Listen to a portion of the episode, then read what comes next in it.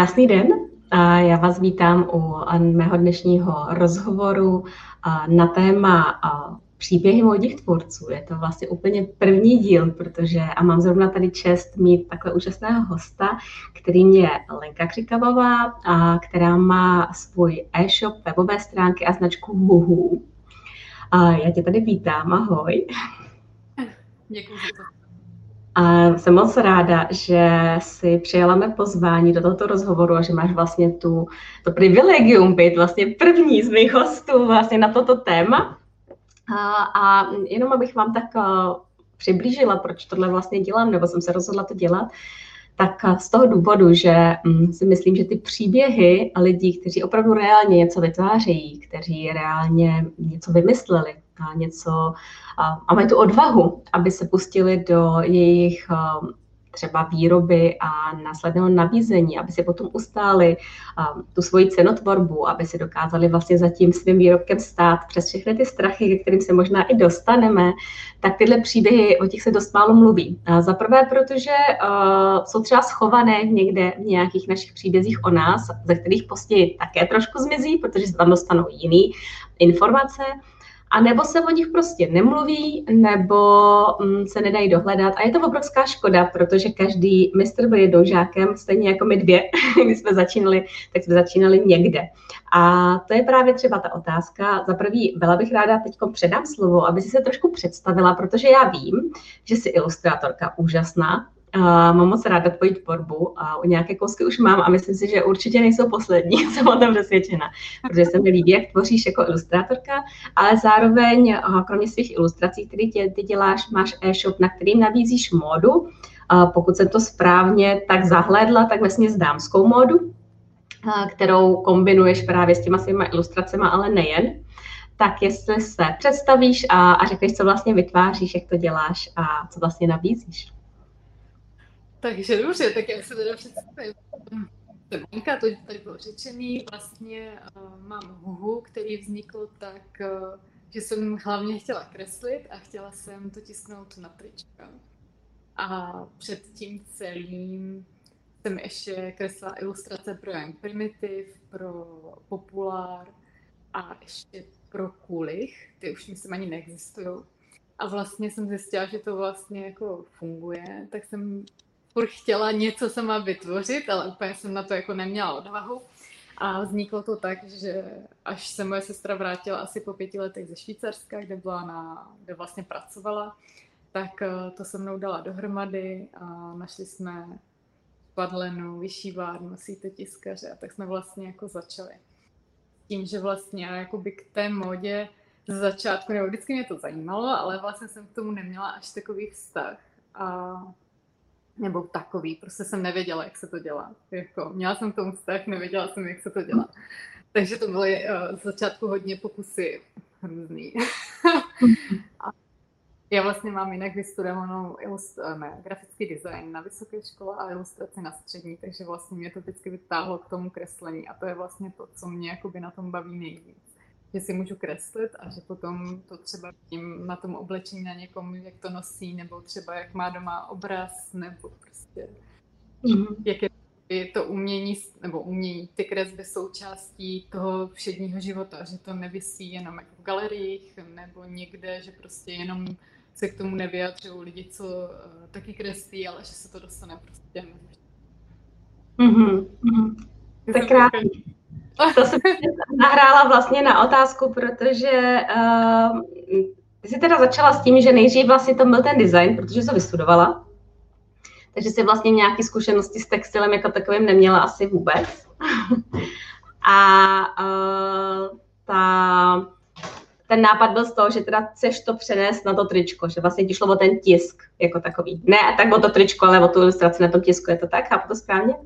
Určitě mi šlo jako o ten tisk, ale zároveň mi šlo aby jsme to, o to, aby jsme to netiskli na koupený trička a na mhm. něco, kde se dá ani nevíme, jak je to vyrobený, takže vlastně jsme chtěli si to udělat od začátku sami, takže jsme tě jako stížili tím samotným. Uh-huh. Koupit tričko s toho obrázkem je prostě minimálně pro mě jednoduchý, protože jsem na střední škole vlastně se učila i uh, sítotisk, takže jsem věděla, jak to všechno funguje, jsem si to vyzkoušela. Jakoby v tomhle byla ten profesionál, nebo jak tam říct. Mm-hmm. To jsem jako věděla, ale to jsem nikdo nevěděla. Jasný, takže jako vymyslet nebo přijít na to, jak přenést tisk na tričko pro tebe nebylo komplikovaný. To byla tvoje silná stránka, udělat tu grafiku a přenést to na látku, to si věděla, jak udělat. Tam, tam problém asi nebyl. Jako samozřejmě jsou různé techniky, které jsem si třeba nevyzkoušela, ale, mm. ale dělala jsem z nich státnice, mm. takže... No, prostě... no a kde přišly ty, kde přišly ty slabé místa? Já jsem si všimla, teď tam dám takový dvě otázky, že když se koukneme na, na tvé o nás, tak krásně představuješ celý svůj tým, tak eh, když jsi zjistila, že jsou věci třeba, které nevíš, nebo nejsou úplně tvoje silná stránka, tak první věc, který to vlastně byly. A jak jsi to řešila? Tak jsi se spojila s někým, ty jsi tady mluvila o sestře, ale šla jsi do toho vlastně ze začátku úplně sama, nebo si se rovnou spojila s někým, kdo ti třeba v těch slabých místech dokáže to vyvážit?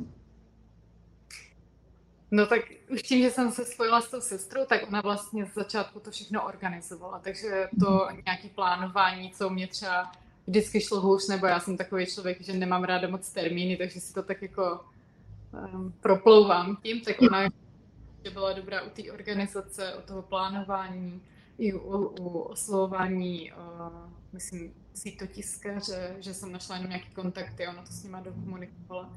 A my jsme ty první věci dělali s jednou švadlenkou v Brně, která jakoby uměla udělat i ty střihy, nějak jsme to jako vymysleli.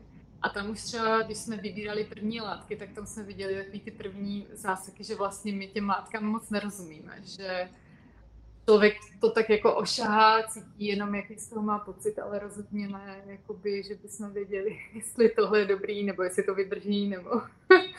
Takže tam, uh, tam jsme byli rádi, že nám s tím pomohla. Nicméně my jsme se potom po té první jakoby, malé kolekci rozešli, že tam byly nějaké jako nesrovnalosti, a hlavně kolem financí. A pak jsme něco zkoušeli sami vymýšlet a tam jsme narazili na střihy, že nevíme úplně, co s tím a mm. že nějaká látka se nám zdá dobrá, ale vlastně, když se to z toho ušije, tak už to dobrý není. že vlastně musíme jako vytipovávat víc jako věcí a že bychom se měli něco o těch materiálech naučit. Takže to byly asi ty první. A pak jsme vlastně oslovili uh, přes mého kamaráda návrhářku, co má vystudovanou, uh, vystudované návrhářství, tak jsme ji oslovili, jestli by nám nepomohla ze střihy a střihama a sladkama, takže tam asi. Mm-hmm. Takže jste si napojili na profíka, na někoho, kdo tomu rozumí. Neměli jste potřebu pokusem omylem dlouhou dobu jít to, to zkoušet, ale řekli jste si, že možná bude lepší najít někoho, kdo tomu rozumí?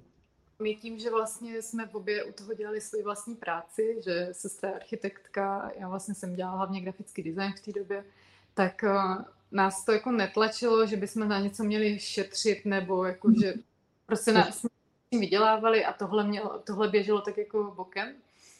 A takže jako to jsme asi nechtěli, hlavně jsme tomu fakt nerozuměli. Mm-hmm vidím tričko, já vím, jak je tam střih, nebo věděla jsem tehdy, ale rozhodně bych ho nezvládla jako narýsovat a připravit pro ty švadleny. Mm-hmm. Hmm. Já musím říct, že souhlasím zcela, že je skvělý, že um, vzhledem k tomu, kolik nás je na světě, že každý děláme něco, že se to dá krásně propojovat, že vlastně nemusíme všechno umět, ale můžeme právě se takhle propojit zájemně a naučit se věci, nebo ani nenaučit, ale prostě předat nějaký kompetence někomu jinému s tím, že samozřejmě je dobré mít o tom potom třeba jako vědět, co ten člověk dělá, pokud jestli to dělá v souladu s mýma hodnotama, ale že jako nemusíme být všichni technologové, aby jsme mohli vyrábět oblečení, takže super, že jste se takhle propojili. Tak to bylo poměrně, ale teda po krátké době, jestli to tak chápu správně.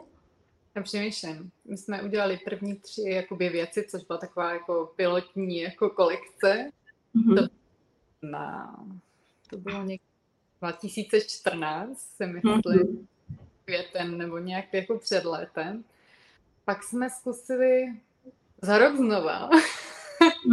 Tam byla nějaká já si myslím, že jsem mezi tím eh, nakreslila jenom nějaký pohlednice, jenom tak něco málo a vlastně jsme to tehdy prodávali na fléru, takže prostě ten flér je jako to je prostě tam... Je trošku v tomhle. A já si myslím, že to bylo třeba jako rok a půl potom, že my jsme se tomu až tak jako nevěnovali prostě. Mm-hmm. To šlo, měli jsme radost z toho, že na to jsou jako hezký ohlasy, ale zároveň o, jsme se nikam jako nehnali a hlavně jsme potřebovali, jsme, na začátku jsme neměli moc peněz, takže já nevím, na začátku jsme třeba do toho dali 30 tisíc a čekali jsme, až nám to vrátí, aby jsme z toho mohli něco jako znova zase vyrobit, takže jako dneska, když bych někomu říkal, že nám to trvalo rok a půl, tak mně to přijde vlastně strašně dlouho, ale zároveň to bylo mm. jako situaci, no, takže... Vy jste teda dneska, když natáčíme tenhle ten rozhovor, tak nějakých sedm let na trhu. Hmm. Ty říkáš, že se rok 2014 je hezký, to je krásný, krásná doba, to už nejste úplně nováčci. A, a, a, takže jste začínali velmi pozvolna, postupně, bez nějakého tlaku na, na výsledek, že byste potřebovali, aby vás to nějak živilo, nebo aby se vám toho nevracelo. Uh, že vás to jako netlačilo. Kdy, uh, jak je to teďka? Mm, má to, jako je to už jako větší měřítko ve vašich životech, nebo stále k tomu máš jako práci ještě jinou, než že by si dělala jenom muhu? Jak to vlastně teď máš? No tak tři roky zpátky vlastně se sestra odpojila. Tam jsme se domluvili, že ona byla těhotná, čekala prvního syna a vlastně už na to neměla čas a chtěla hlavně dělat furt tu architekturu, takže tam jsme se domluvili, že se jako rozloučíme tady v tom a že to zkusím dělat sama. Mm-hmm. A to bylo náročné, protože já samozřejmě organizace, já jsem vždycky, když jsme něco jako řešili, tak jsme u toho byli v obě, takže jsem jakoby věděla, jak to dělala nebo tak, ale zároveň jsem třeba moc neviděla do financí, to jsem nechávala úplně na ní. Tam to, myslím si, že doteď je to pro mě takový, že se to furt ještě učím, jako, no. Mm-hmm. A... No, no, přesně tak. A zároveň um, jakoby, myslím, že loni, vlastně asi díky uh, koronavirusu, tak uh, se to celý tak nějak jako posunulo jinam, protože já jsem vlastně do března dělala furt dál grafiku, ilustrace a to jsem měla jako u toho a nějak se to tak jako prolínalo, fungovalo to. A v březnu mi najednou se stoply všechny zakázky, takže já jsem najednou měla jako čas. Mm-hmm. Mám e-shop, tak to zkusím jakoby trošku víc do toho jakoby šlápnout. S tím, že já jsem jako věděla, že když se o to víc starám, takže je mnohem víc objednávek, že prostě lidi mnohem víc reagují, nakupují. Tak jsem si říkala, že to zkusím. A vlastně to jsem začala jen tak jakoby pro své, pro své okolí, pro rodinu šít jako roušky, protože nikde nebyly a já jsem měla spoustu látek, které bylo s pokaženým tiskem nebo něčím mm. takovým. Takže jsem vlastně začala šít roušky, pak eh, to po mně všichni chtěli na e-shopu, takže jsem dva nebo tři měsíce šila jenom roušky, tak to bylo hodně a to byl první moment, kdy mě vlastně Huhu jako živilo. Aha. takže úplně jako, uh, no. A teďka to mám si myslím tak jako um, půl na půl, jako mě uh, Huhu baví, baví mě i ta organizace, už jsem si jako v tom našla ty cesty, ale zároveň je tam eh, spoustu té práce, která mě tolik jako nebaví a nenaplňuje. Tak eh, vlastně u toho furt kreslím svo, nějaký volnější projekty nebo i zakázky, nebo mám i nějakou grafiku ještě málo u toho. Takže tak jako snažím se to spíš jako, abych nedělala jenom tu jednu věc, protože mhm. baví potom, když už jedno třeba mě tolik nenaplňuje, tak si odejdu k tomu druhému a tak jako prokládám. No. Takže u mě jako není asi ta ambice mít e-shop, který má měsíčně prostě obrovský obraty nebo něco takového. Spíš chci, aby to bylo vidět, že to jako dělám ráda, že o to peču a že když někdo má nějaký dotaz, že mu hnedka třeba odpovím, že jakoby jsem a, k zastihnutí, ale ráda u toho dělám tu ilustraci, no ještě jako mm-hmm. No to ta, takže potřebuješ v životu tu svoji seberealizaci, že kdyby se to pak mělo spadnout do nějakého managementu a kde už nebudeš tvořit, tak to by si asi nebyla ty. Mm-hmm. Určitě. Jako, mm. jako já jsem i přemýšlela o tom, že třeba by časem někdo mohl být eh, to dělat se mnou, kdo by tady tohle převzal a já bych si pak jenom tvořila. Ale momentálně asi to není úplně reálný. Já ještě jsem teď v fázi, že bych ráda tetovala a mm-hmm. A učím se tohle, takže teďka vlastně v Brně, já jsem se v září přestěhovala do Prahy a v Brně jsem předtím dva a půl roku měla ateliér, kam jsem jako chodila, kam, kde bylo vlastně i ty věci z e-shopu hezky vystavený, dalo se tam za mnou stavit. Ale mm, mm, měla jsem vlastně strašně málo kreativního času, takže já jsem vlastně už potom věděla, že tohle není jako úplně pro mě a teďka tady v Praze zatím nemám uh, úplně prostor na to něco takového vymyslet, takže až mm. ten čas bude, takže třeba zase a třeba pak si někoho k sobě, kdo by dělal a já mm. Jestli to se dá spíš tak trošku ještě, aby si ti to jako vlastně tu svoji část v svém životě si to nachází stále. Mm-hmm. Hmm, to je super. Mně se to moc líbí, že to máš takhle propojený, protože vlastně tak, jak to říkáš, tak jak to jako vnímám, tak mi to připadá, že díky tomu to na tebe nevytváří extrémní tlak, že vlastně si můžeš vždycky vybrat. Určitě, jako myslím si, že kdybych prostě potřebovala, aby mi ten e-shop vydělával měsíčně ten můj plat, který potřebuju, a tak by to bylo, možná by to už nebylo takový, jako, že mi možná lidi cítili, že vlastně na ně tlačím a chci, aby se hmm. něco hmm já to vlastně jako až tak nechci. Já vlastně chci, mhm. aby si uvědomil, že třeba něco potřebuje nebo nepotřebuje a podle toho si to jako pořídil. Mm-hmm. Je důležitý prostě nemít doma potom plnou skříň věcí, které tam jenom tak leží. Mm-hmm. Takže třeba když si někdo něco koupí a po dvou měsících mi napíše, že si to ještě nikdy nevzal na sebe, tak to klidně vezmu zpátky, když to je nenošený, když to zkontroluji že si myslím, že prostě je to lepší, než eh, kdyby z toho byl nešťastný, vyslal mu to tam. Mm-hmm. To mi dělá krásný oslý mustek, protože mám k tomu dvě věci, které mě napadají. A, a jedna z nich je, že tě teda, um, jak to tak vnímám, a cítím to dost podobně, že um, pokud se má něco nabízet a něco tvořit, nějaká značka, jakákoliv, tak eh, ona vlastně řeší nějaký problém toho, kdo za něj je ochotný dát peníze. Prostě něco ti to, jinak by, jinak by se to neměla potřebu kupovat. Prostě nemám tričko, scháním, ale potřebuju, aby bylo prostě v nějakém souladu s mým šatníkem, filozofií, čímkoliv, tak vlastně přijde k tobě na stránky a koupí si to, třeba ten můj milovaný kolibřík, tričko, které miluju, to triko úplně tak uh, je, uvědomila jsi si někdy, jaký problém vlastně ty tvoje um, produkty tvo, jako uspokojují? Proč, proč vlastně jde ten zákazník si to koupit prostě k tobě? Proč, uh, co mu vlastně dáváš tím? jako asi nikdy neodpověděla. Ale myslím si, že já vlastně ke všem těm kresbám si i vymýšlím takový jako krátký básničky nebo tak, že to mají třeba ty zvířecí jako ilustrace, že jim dělají takovýho jako kámoše, hlídače, mm. jako patrona. Myslím, jako já to tak i mám, že ty ilustrace vždycky mm, jsou odraz nějakého mýho pocitu. Takže si myslím, že prostě oni, že to doufám teda ty zákazníci cítí a proto si vlastně koupí věc ilustrací, že, mm-hmm. že prostě já třeba taky nemám vždycky náladu na to mít na sebe něco velkého nebo tak, ale pak mám dny, kdy jsem ráda, že si vezmu ty, mikinu s tigrem a vím, že ten tigr jako ochrání nebo... Mm-hmm. Já jako nevím vlastně, jestli to ty zákaznice cítí, ten symbol nějaký v tom nebo něco takového. Doufám, mm. že ale ty tam dáváš tu energii. Ty, ty, když ho kreslíš a když ho pak vlastně přenášíš na to, tak tam tu energii dáváš. No určitě. Jako já dnes jen tak něco, abych to jako nakreslila. Hmm. si to musím jako promyslet, pak tím tématem, co by se mi na to líbilo, nebo hmm. jak to teď sama vlastně mám a hmm.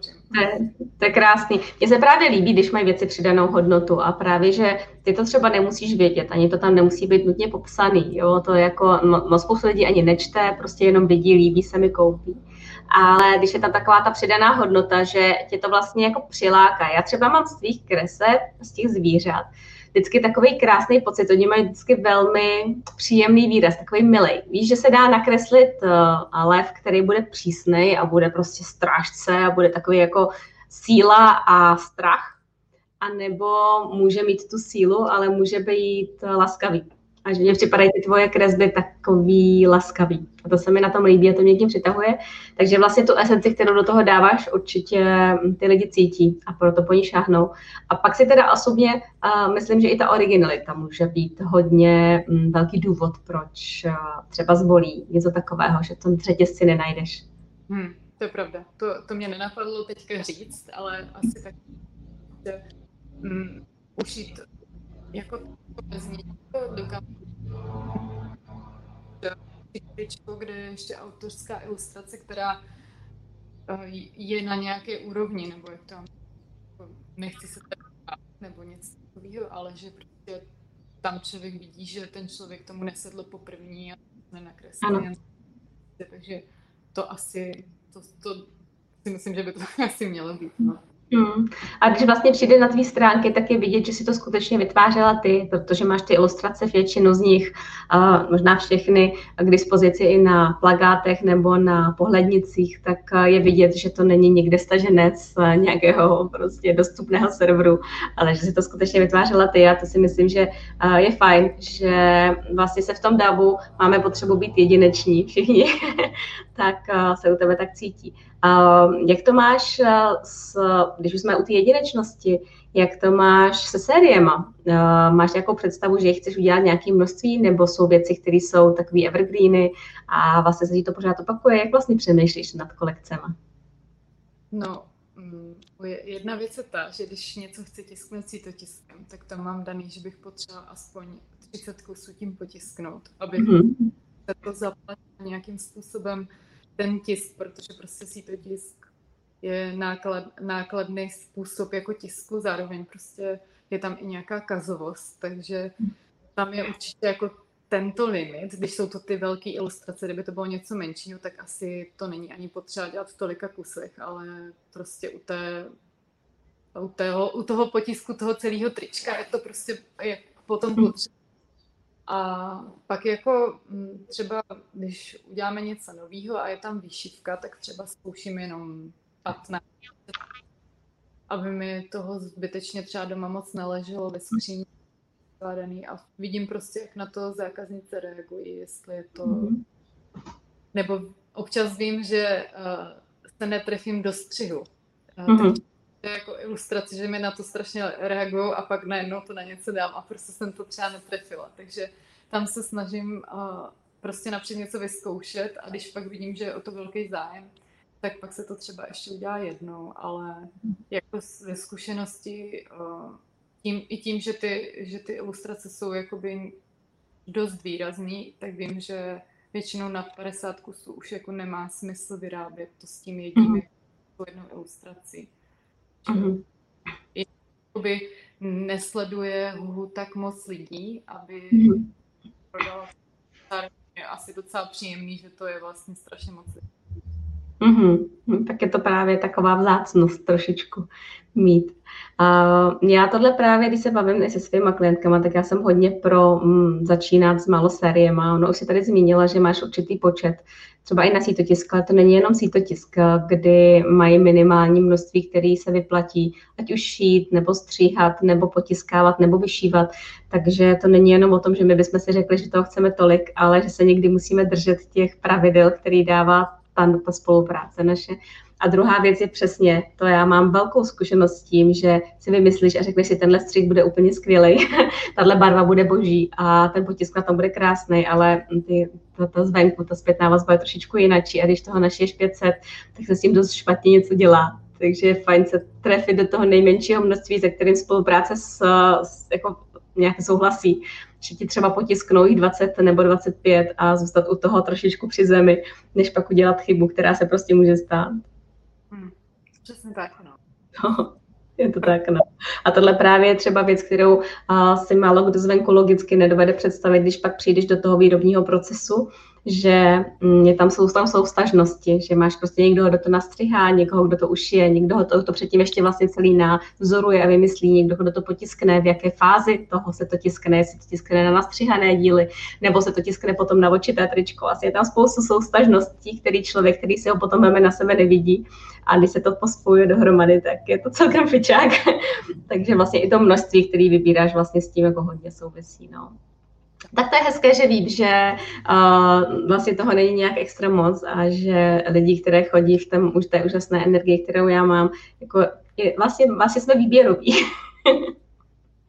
když, máme, když máme to štěstí, že se uh, trefíme zrovna, kdy ta kolekce když ti něco dojde, řekněme, že třeba um, trička s, s kolibříkem dojdou a je o ně velký zájem stále, a jak jsi schopná pružně reagovat? No, když to jde, tak já ani jako nemám v plánu to dodělat hned, protože Aha. většinou třeba napíše pět lidí, že by to opravdu chtělo a my jsme, my jsme tohle jako zkusili párkrát dodělat, tak se to dodělalo. Prodalo se třeba tři kusy a už prostě ta naše jako, mm, ty naše zákaznice tím byly jako naplněný a vlastně se ptali na něco nového, takže eh, rozhodně bych to nedodělávala hnedka, jako za mě, ale to je i kvůli těm ilustracím, jako myslím si, že když je potom něco jednoduššího, tak, nebo třeba my tam máme tričko takový smetanový s eh, šafránem tady vyšitým, úplně je to vlastně celý smetanový, tak tam, uh, tam mi to nevadí dodělávat hned, protože prostě tam je na to úplně jiná, jiná jako reakce. Ale jakmile tam jsou větší ilustrace, tak uh, bych si klidně nechala jako rok třeba nebo dva nedělat. A vlastně ten kolibří, který letos zní, to byla vlastně jedna z prvních ilustrací, kterou já jsem a vlastně to byla, to byla Halenka, která byla úplně na začátku v té první kolekci. A mě se prostě celý, tě, celých těch sedm let na to někdo ptal. A já jsem říkala, ne, už znovu s kolibříkem jako nebude prostě. A letos uh, jsem si nakonec řekla, že když se pro něm, po něm všichni tak ptají, takže to ještě jednou uh, vyrobím. Takže to byla vlastně po sedmi letech dodělávka. Mm-hmm. Takže to leží, nebo třeba máme tam košilové eh, šaty na léto a tak ty každý rok vlastně nějaký kusy dodělám, ale letos už jsem si řekla, že naposled, že už ani mm-hmm. mě baví a myslím si, že pokud je někdo chtěl, tak už si je pořídil a pokud ne, mm-hmm. tak pahal prostě, nebo no. Takže ta filozofie tvoje je spíš, že máš nějakou svoji komunitu, který tě znají, lidi, kteří už k tobě chodí, kteří už vlastně tvoje produkty mají vyzkoušený a vědí. A spíš jim nabízet nové věci, aby vlastně ty, ty, kteří už tě znají, vlastně si měli možnost vybrat znovu, než získávat neustále nové zákazníky tak ti noví můžou přijít i s tím novým produktem, to si myslím. A um, ta komunita se prostě rozšiřuje pomale, když je to něco takhle jakoby jasně daného s ilustrací, že když je to něco víc univerzálního, tak je to víc v podstatě mainstream. Ale já cílím na, na mnohem menší jako skupinu lidí, takže takže to je jeden důvod a taky mě ty nové věci víc baví, takže mm-hmm. jako jo, ale prostě zase si dáme něco nového. Prostě. A to jsme zase u toho, u toho uspokojení a u té, u té tvorby, u toho, že potřebuješ tvořit. A já sama teda vnímal hodně, že když bych měla dělat něco právě jenom pro ten výkon, pro to, jako aby jsme vydělávali prostě, takže to budeme masově sekat, tak mě by se ztrácela radost a ta energie, která dávám do toho, už by tam vlastně nebyla cítit a ono samozřejmě pak na to reagují. Stejně jako na ty tvoje ilustrace, když jim dokážeš předat tu energii skrze tu ilustraci, tak je to skvělý, ale ve chvíli, kdyby si ta, ty už tam nedávala, protože by si si řekla, že už tě ten kolibřík fakt nebaví, tak se to prodávat nebude, protože to nebude bavit ani lidi zvenku. Podle mě to takhle funguje, že to krásně jako propojí a to, co předáváš, vlastně dostáváš zpátky. Mně se navíc třeba na ty, jakby, když bych to opakovala, tak mě už pak potom nebaví ani dávat jako příspěvky na Instagram nebo na Facebook, že jakoby se mi potom i k něm hůř tvoří ty příspěvky, že prostě mm-hmm. to okoukaný, proč bych to tam dávala a mhm. vlastně ani to mám napsat, protože už jsem všechno jednou napsala a prostě mě moc nebaví, no, asi. Mm-hmm. Jasný, jasný, to je absolutně tomu rozumím. Uh, oni to zákazníci vnímají trošku jinak, protože oni to třeba nečetli, ale, ale já ti absolutně rozumím, co ti myslíš.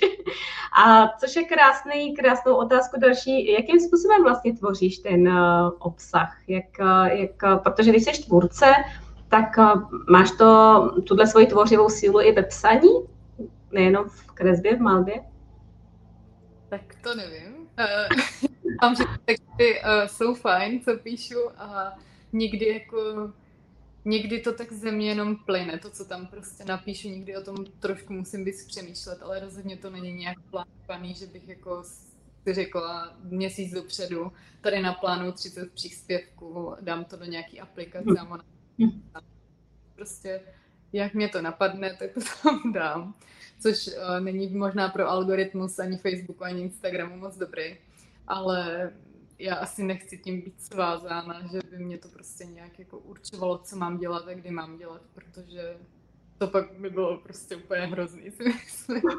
Takže ne, já prostě, jakmile mě někdo řekne, co musím jak dělat a ještě mi zadá termín a je to všechno zkázaný, tak nakonec neudělám vůbec nic. A mm-hmm. když je, tak je to ještě horší, takže... Mm-hmm. A já si úplně se tomu musím pousmát, protože já funguji přesně úplně stejně jako ty. Pamatuju si, že my moji marketáci, jsme měli samozřejmě nějaký tým, a po mně chtěli, aby se jim dávala marketingové plány a ideálně prostě na hodně dlouhou dobu dopředu, nevím, že půl rok nebo rok aspoň nějaký styčný body a takové to připravím si první týden, měsíci všechny příspěvky a ono to pak pojede. Já tak prostě neumím fungovat. Já se ráno zbudím, přijde mi myšlenka, nebo jedu autem a třeba si i zastavím, protože mi přišla ta myšlenka, já ji prostě napíšu. A je to absolutně jako nepředpokládatelný, co mě zrovna ten den napadne že jako třeba máme nějakou myšlenkovou linku, kterou bych chtěla jít, nebo třeba vím, jaké produkty budou, tak asi to není úplně takhle náhodný, ale ten obsah, ten text ze mě prostě vypadne. Takže pro mě taky naplánovat něco, něco hodně dopředu, co se marketingu týká, nebo celkově dělat si marketingové strategie je pro mě absolutně nereálný, takže asi my tvůrci neumíme. u těch menších značek, že jasně, prostě naplánovat i kvůli financím, co kdy vyrobí, jak to vyrobí, tak nějaká, nějaká představa je ale zároveň spoustu vlastně těch tvůrců reaguje na tu danou situaci. Že mně přijde, že prostě když vidím, že najednou jsem viděla hodně peněz, tak to můžu rychleji otočit a o měsíc dřív, anebo holce švedl seknou, nebo si to tiskač. A prostě je to o dva měsíce později, takže... Mm-hmm. No. No a já třeba na ně moc netlačím, takže je to ještě jako delší doba někdy a někdy prostě asi mají malou práci, tak je to zase strašně rychlý, takže mm-hmm. prostě by se tohle muselo úplně naplánovat. Mm-hmm. A měla jsi někdy za tu dobu, co co děláš, 7 let už je poměrně zkušenost, a pocit, že by si se na to chtěla úplně vykašlat? Vykašlat asi jako úplně ne, ale vlastně už tak dva roky mám takovou myšlenku, že bych eh, ráda, aby to bylo spíš jakoby, aby ten e-shop bylo jenom o ilustracích, eh, o papírových produktech, to oblečení, aby tam bylo méně trošku. Takže já prostě k tomu papíru mám i za ty léta, kdy už mě teďka hodně baví uh, ošahávat a zjišťovat nový materiály, nový výrobce, tak, tak furt k němu mám blíž. Takže uh, loni jsem tu myšlenku jako řekla nahlas, že bych chtěla to tak jako postupně lehce jako předělat ten e-shop nebo jakoby posunout to trošku někam jinam. Takže tak, ale asi úplně jako vykaš, to asi ne, jako tím, že mě nikdo netlačí, nikdo mi neříká, že to být o dva měsíce prostě dřív nebo před rokem, tak tam nenastává ten stres. To je mm-hmm. Mm-hmm. No. Možná je to tím, že právě nemáš tam tu závislost na tom vytvořenou, že by si bez toho nepřežila. A myslím si, že když tam potom přichází stresy, že když tenhle měsíc prostě nevydělám, tak nebudu mít na nájem, tak eh, to dokáže způsobovat jako poměrně velký nervy a je to škoda, protože to velmi brzdí samozřejmě růst té značky, když člověk je ve stresech. Takže to máš eh, krásně nastavený, že vlastně tam tohle nepotřebuješ jako mít, tenhle ten tlak, že by si řekla, ne, já to prostě musím tlačit, musím to prostě jako ještě zvětšit, aby jsem přežila. Takže to je, to je fajn a myslím si, že je reálný se jako nedostat do takového stresu, ale samozřejmě a, tam občas člověk vítne ani neví jak a pak je dost těžký se z toho vylízávat ven. Takže super, že se ti to udržuje, že to možná právě proto ne, ne, ne, nespůsobuje takový ty okamžiky, jako už bych to nejradši prostě zavřela a vůbec nemusela mít tyhle starost. A co třeba komunikace s lidma, s, s dílnama právě, se si to tiskařema, tak já vnímám podle a toho popisku, že máš okolo sebe úžasný lidi. Bylo to snadný? Sehnat je? Na pana tiskaře to, to prostě nějak tak vyšlo. Kontakt, kterými jsme vlastně kontaktovali a tam byl z začátku problém, že takhle velký sítotisk nám nikdo nechtěl udělat. A on řekl, že to zkusí. A jako taky má své mouchy, prostě každý eh, má svoje mouchy a on eh, neumí plně jako termínově říct, kdy co bude a když se mu to nedaří, tak prostě to uděláš. Takže to, ale zároveň uh, je to fakt jako odborník v tom, že já si vždycky něco vymyslím. Vím, že by to jako mělo jít. Spousta lidí tiskařů by mi řekla, že to nikdy ani dělat nebude. Jako. A on řekne, že to je třeba pro mě taky super. A u švadlen tam vlastně jsme na začátku začínali s tou jednou švadlenkou, kterou jsme se pak rozloučili, pak jsme šli v Brně v jedné dílně a ti nám najednou ze dne na den řekli, že končí a uh, že už nám nedošlo ani to, co je nastříhaný. Prostě paní se rozhodla jít do předčasného důchodu, takže nám to takhle jako hodila na hlavu.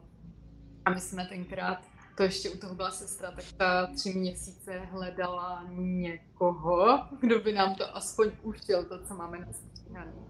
A prostě jsme hledali dál nějakou dílnu. A tam teda to bylo hodně zajímavé. Jsme měli ně, jako, oslovili jsme nějaký, eh, nějaký i vlastně krejčí tam byl, nějaký pán tam byl, ale hlavně ženský to byly špadlenky a vždycky jsme si nechali od nich ušít jeden jako vzorek podle, podle daného našeho střihu, na co jsme byli zvyklí a občas nám to vraceli špinavý nebo nebyly rovný švy, prostě jak, no.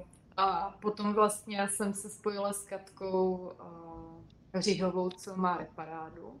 Já jsem jí dělala takový malý katalog uh, oblečení. Vlastně přes grafiku jsme se spojili, že potom po tady tom katalogu jsem dělala logo a vlastně jsme, se, vlastně jsme si docela sedli, takže jsme si jako rozuměli a já jsem jí to říkala, tady to jsou s těma švadlenama a ona mi dala kontakt na její dílnu, kde jí štějou věci.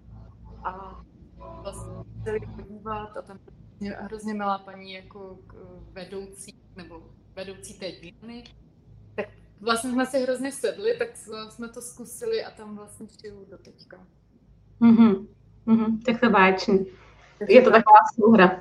Ale když by člověk měl hledat sám za sebe, tak to není vždycky úplně snadný najít uh, šicí dílnu. Člověk by řekl, že jsme uh, taková velmoc textilní pořád ještě nebo bývali jsme a není to úplně snadný najít dílnu, která by byla spolehlivá. Tak tam je hlavně problém v tom, že se to už dlouho jakoby neučí a ty holky, co studují na střední na textilce, tak eh, nejdou šít, protože prostě to je strašně málo placená práce. Ve velkých městech si myslím, že je to úplně nereálný se uživit něčím takovým, jako mít dílnu a ty švadleny, aby třeba v Brně nebo v Praze měly vlastně dostatečný plat. Takže to si myslím, že je strašně špatně jako nastavený. A mm-hmm. i my v dílně, tam, kde se vlastně všechno šije, tak já jim vůbec neříkám, za jakou cenu to chci ušít. Prostě oni si řeknou, za kolik to ušiju. A myslím si, že furt je to všechno tlačený jako hodně dolů ještě, mm-hmm. že já mhm. ráda.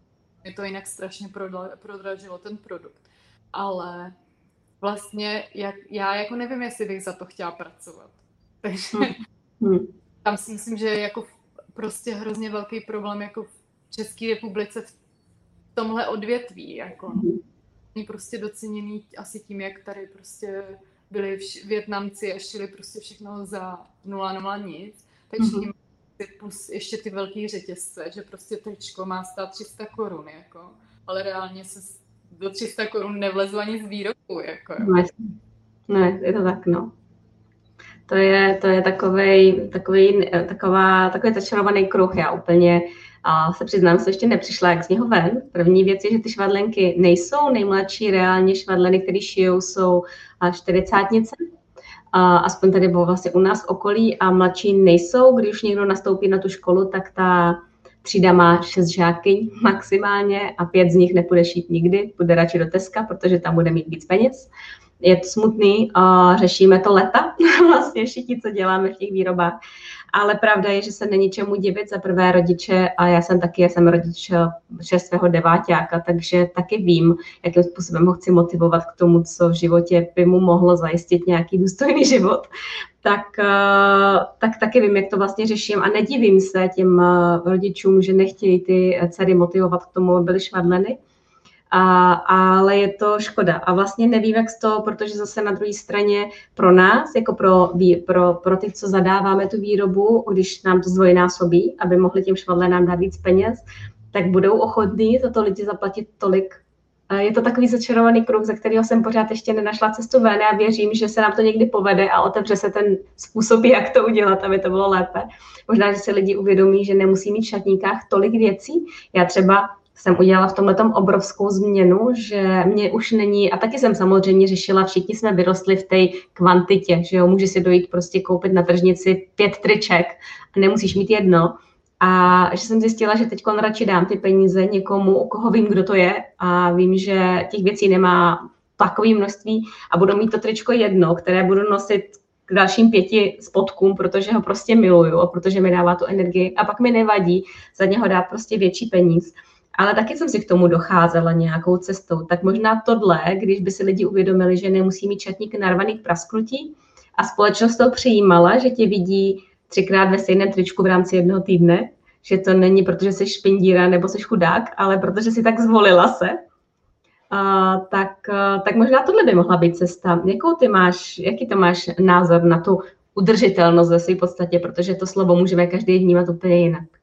Já si myslím, že se to jako hodně změnilo, že když jsme začínali, tak jsme ty první halenky měli třeba za 850 korun, nevím, co takového, kdy my jsme z toho měli třeba 150 korun, úplně jako, no.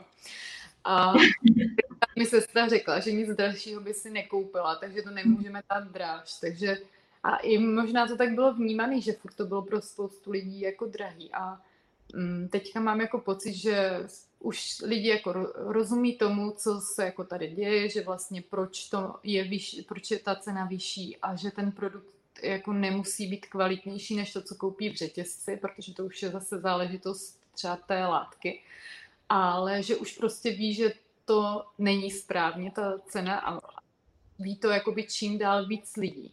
A jako, myslím si, že prostě se to zlepšuje. Já teďka sama řeším to, že, jsem, že bych ráda přešla na, uh, všech, na všechny látky, které mají certifikáty, buď je to biobavlna nebo tencel, prostě všechno nejlépe s třema certifikátama, aby to bylo prostě ekologicky nějak mm-hmm dobrý pro, pro planetu. A prostě teď jsem tady počítala, kolik bude stát nový produkt a já nevím, jestli to ty lidi za to budou chtít dát. Mm-hmm. Doufám. Mm-hmm. a tak hold to, to bude chvíli ležet u mě poskládaný v šuplíkách prostě a mm-hmm.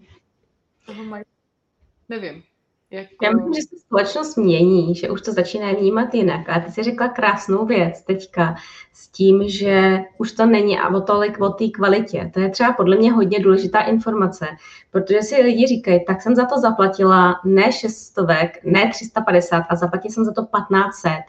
A, a tvrdí, jak je to udržitelný, má to všechny certifikáty, že práce byla ohodnocená, že látka je ekologická a k přírodě šetrná, že to naší planetu šetří, že to je vlastně z přírodních materiálů, takže moje pokožka dýchá.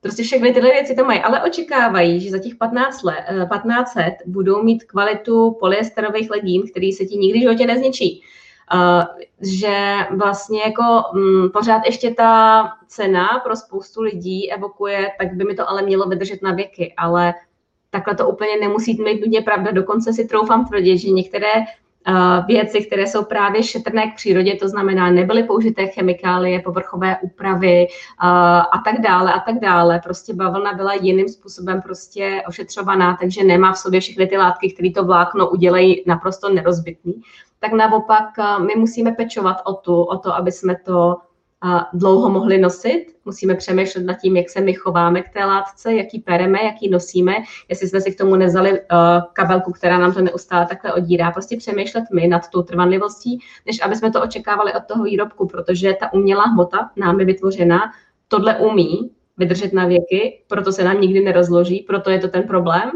ale že jestli to vnímáš taky tak, že vlastně ty lidi, když ty jim teda nabídneš sama za sebe v souladu s tebou mnohem lepší materiály, protože nás tady udrží na té planetě a možná i naše děti a děti našich dětí, a, ale to neznamená, že to tričko je přežije taky. Tak uh, jestli tohle to vnímáš, protože já to vnímám hodně. Já to jako vnímám, nevím, jak moc dobře eh, o tomhle jako informuju a edukuju svoje jako zákaznice to jako doufám, že už to taky jako takhle mají, ale jako já to vnímám, protože je jasný, že prostě o stoprocentně přírodní látku se prostě musí jako pečovat jinak a nemůžeme ju prostě na 40 stupňů hodit do pračky a dát tam vysoké otáčky a pak na to vzít žehličku z 60 nebo já nevím, z kolika stupněma prostě. Jako já to vnímám. Nevím, jak moc uh, dobře to vnímají zákazníci. Vždycky uh, se snažím, snažím to nějak jako poslat dál, tu informaci. Hmm. Jako my jsme, já jsem, jestli to už tři roky zpátky jsem na Vánoce udělala čepice ze 100% merinovany. A tam se mi potom stalo, že třeba jedna zákaznice mi to vrátila, že se jí to jako ty vlákna nějak jako celý posunuli a že prostě se jí to takhle nelíbí. A já jako, já se s něma nechci moc dohadovat a když vidím, že třeba uh, mají jakoby víc objednávek u nás, nebo že jsou to stále zákaznice, tak jim většinou vyho, vy, vy, vyhovím, dám jim třeba tu věc novou a pak to sama třeba nějak vyperu, něco s tím udělám, pak mm-hmm. to mhm. prodám jako druhou jakost nebo něco takového. Ale někdo to jako vnímá, ale já jsem teďka mám vymyšlený, že k produktům z určitých vláken budu ještě přidávat jako zvlášť papír o péči mm-hmm. produkt, mm-hmm. protože teďka vlastně už těch produktů mám jenom napsaný, že vlastně čím lépe o to pečujeme, tím déle nám to jako vydrží, ale prostě lidi až tak nečtou a když tam budou mít navíc, tak já doufám, že si to třeba přečtou. Nevím, no. Se stává, že prostě se ani zákaznice nepodívají, že na tričku mají štítek o tom, mají pre a tam je jenom třicítka. a tak, takže myslím si, že někdo jo, někdo ne, že se to zlepšuje, že to je jak ze vší, jak lidi začínají používat přírodní kosmetiku nebo přírodní produkty doma, takže prostě mění i takhle ten šatník a že ho je dostat, mezi ně dostat jako nějak ty informace ale že ty informace do nich vlastně vkládají i další jiní čeští výrobci, že mm-hmm. jako mm-hmm. doufám, že to mají z víc stran a všude to slyší. Jasné.